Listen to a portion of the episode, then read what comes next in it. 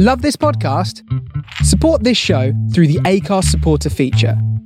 It's up to you how much you give, and there's no regular commitment. Just hit the link in the show description to support now.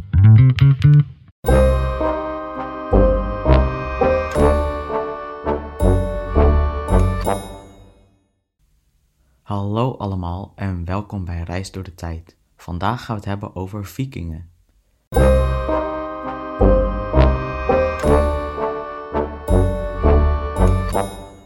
Kennen ze allemaal wel, van die plunderende bebaarde Noorse mannen. Maar laten we het eerst hebben over de naam viking. Over de oorsprong van het woord zijn echt tal van theorieën bedacht door wetenschappers. Zo zou het woord afkomstig zijn van het woord vik, dat vertaald wordt als fjord, baai, rover of handelaar. Maar volgens sommige theorieën zou vik specifiek het stuk zee tussen het zuiden van Noorwegen en het zuiden van Zweden kunnen betekenen.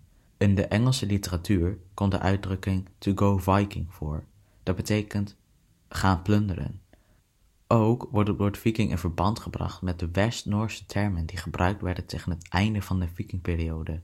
Het betekent als iemand die op zee vecht, of een rover, of oorlog op zee. Op zee waren de vikingen dan ook helemaal thuis. Die vikingen maakten snelle en lichte boten voor het vervoer van personen en grote, en die waren minstens 36 meter, lange schepen voor het vervoer van vee en goederen en voor oorlogvoering. Hun langschepen werden soms drakars genoemd en hun kleinere noemden ze ook wel snekken. Een type vikingschip genaamd de knar was voor de handel en vrachtvervoer en was kleiner dan de drakars, waarmee ze soms op strooktocht gingen. De knar was meer voor de vredelievende doeleinden en had geen angstaanjagende draken of slangenkop op de boeg. Alle vikingschepen konden gezeild en geroeid worden, dus als de wind niet goed stond, konden de vikingen alsnog vooruit. Over snelle en stevige schepen beschikten de Noormannen zeker, want ze waren 100% de beste scheepbouwers van hun tijd. Dankzij het feit dat soms belangrijke mannen of vrouwen in een schip werden begraven en afgezonken zeepen zijn teruggevonden, weten we een heleboel over hun schepen. Een hoofdman die sneuvelde in de strijd, en dat moest zeer zeker met een wapen in de hand gebeuren zijn, want anders zou ze echt niet het rijk van Walhalla mogen betreden, werd door zijn bemanning op schilden gelegd met twee lansen of roeiriemen, die als draagbaar dienden, en op het schip op het langere achterdek gelegd.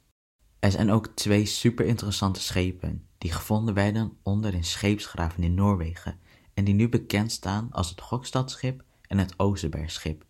Ze dateren beide uit de 9e eeuw en ze bevinden zich nu in Oslo's Vikingskiphuizen.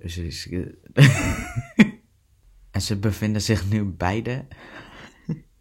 Oké. En ze bevinden zich nu beide in Oslo's Vikingschepenmuseum. De schepen lagen allebei onder een tumulus of grafheuvel en ze waren begraven met één of twee personen erin. Die waren vermoedelijk hooggeplaatste mensen. De gevonden schepen hadden geen draken of slangenkop op hun voorsteven, dus we kunnen ervan uitgaan dat het geen oorlogsschepen waren. Vikingschepen zijn lang en smal van uiterlijk en voor en achter gelijk van vorm. Dit zorgt ervoor dat ze snel konden omdraaien, zodat ze sneller konden vluchten of een storm uit de weg konden gaan. Vikingen waren zo goed in het bouwen van schepen dat ze daarmee de Atlantische Oceaan konden bevaren tot aan Amerika.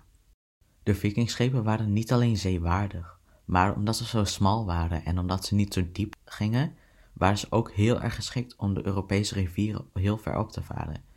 Zo konden ze diep het continent binnendringen en zo over land van het ene rivierstelsel naar het andere gaan. De boeg was soms bewerkt met houtsnijwerk. Heel populair waren draken en slangenkoppen. Ze gaven hun boten ook namen zoals de vlugge draak of de angstaanjagende slang. Dit weten we door archeologische vondsten en oude verhalen zoals saga's. Een aantal verkeerde opvattingen is in de loop van de geschiedenis over vikingen ontstaan. Het idee dat vikingen hoorns of vleugels op hun helmen hadden, is blijkbaar helemaal niet waar. Dergelijke helmen werden in andere culturen misschien wel gebruikt voor rituele doelen, maar vikingkrijgers droegen die niet. Een helm zou de drager zwaar benadelen in een gevecht. De gehoornde vikinghelm is dus een verzinsel van de 19e eeuw.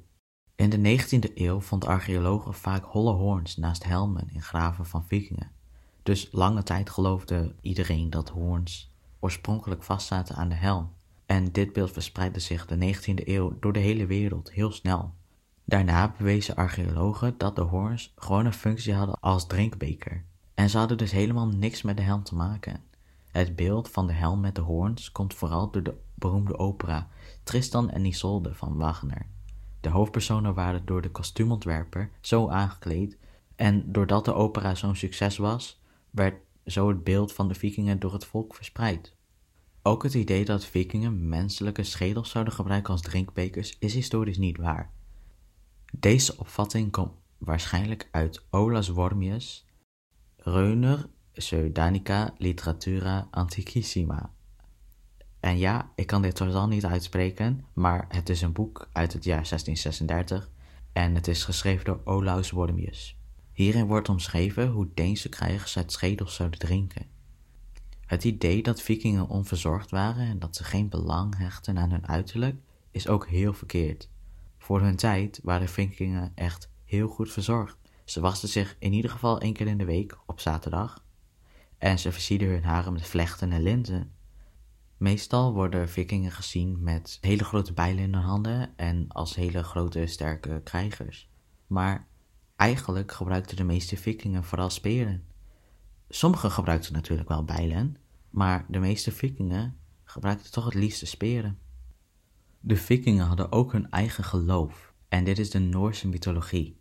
De oud-Europese volkeren, waaronder dus de vikingen, hadden net als vele andere culturen een scheppingsverhaal. Dit scheppingsverhaal is super interessant en het begint met een universum verdeeld in twee delen. En het is gescheiden door een grote kloof, die de Ginegagap heette, oftewel de gapende leegte. Aan de ene kant was er licht en hitte en het eerste deel bestond dan ook uit vuur en het werd bewoond door vuurreuzen.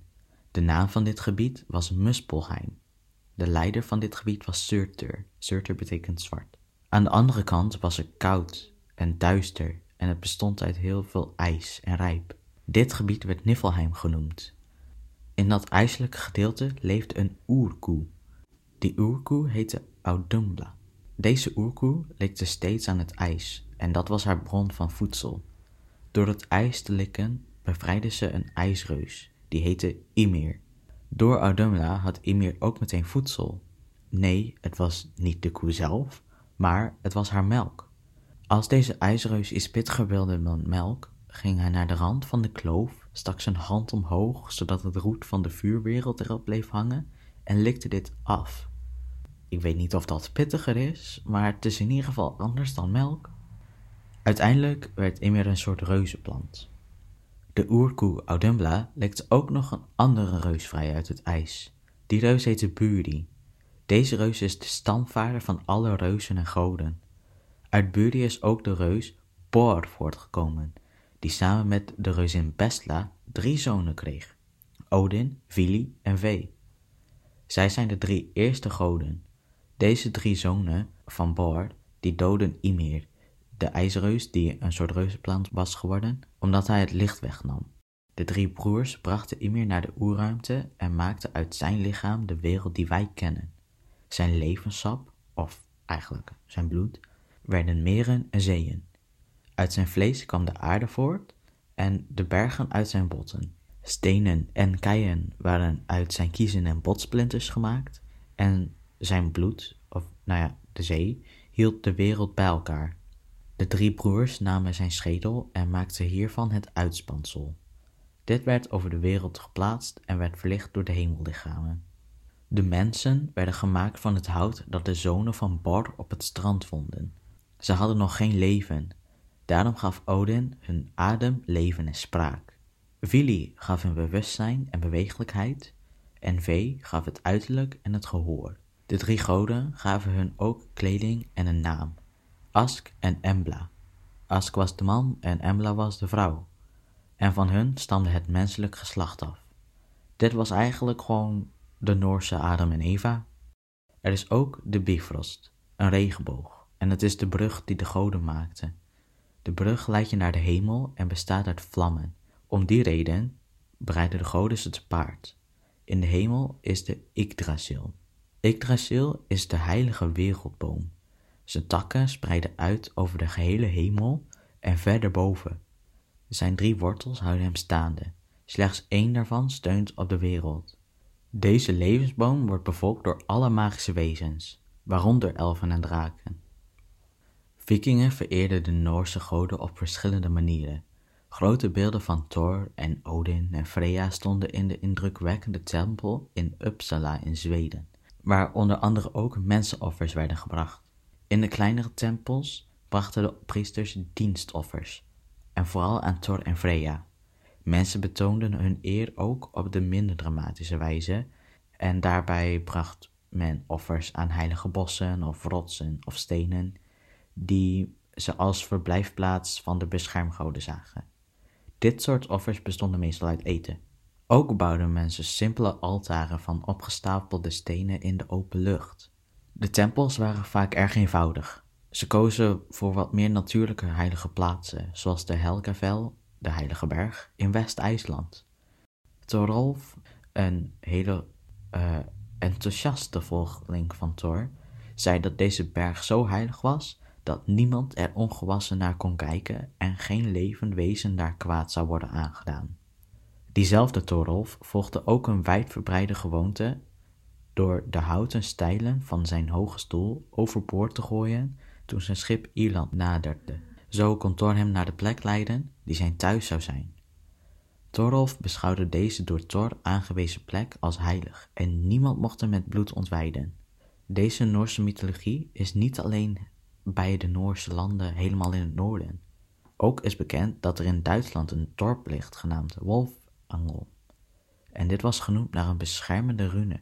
En in België nabij ligt Dinant, de tuinen van Freya vernoemd naar de Noordse god. Er zijn ook zes weekdagen naar de Noorse en Germaanse goden vernoemd. Alleen de zaterdag heeft een andere oorsprong. De maandag is genoemd naar de maangod Mani. Dinsdag is vernoemd naar Teer en in het Zweeds is dinsdag Tisdag en in het Deense Noors Teersdag. Woensdag is vernoemd naar Wodan of Odin en in het Deens, Zweeds en Noords is woensdag onsdag. Donderdag is vernoemd naar Donar. Uh, vrijdag naar Freya. Zaterdag is vernoemd naar Saturnus, dus die is dan anders dan de rest van de dagen. En zondag is vernoemd naar Sunna, dat is de zonnegodin. Ik weet niet of jullie het doorhebben, maar ik vind Noorse mythologie heel interessant. En er komt ook zeker een aflevering waarbij dit nog meer in diepte wordt besproken. Maar voor nu was dit het over de Vikingen.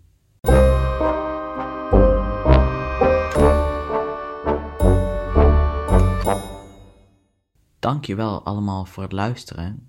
Als jullie reviews willen achterlaten en deze podcast zouden willen delen, dan zouden wij heel erg helpen. En tot volgende week.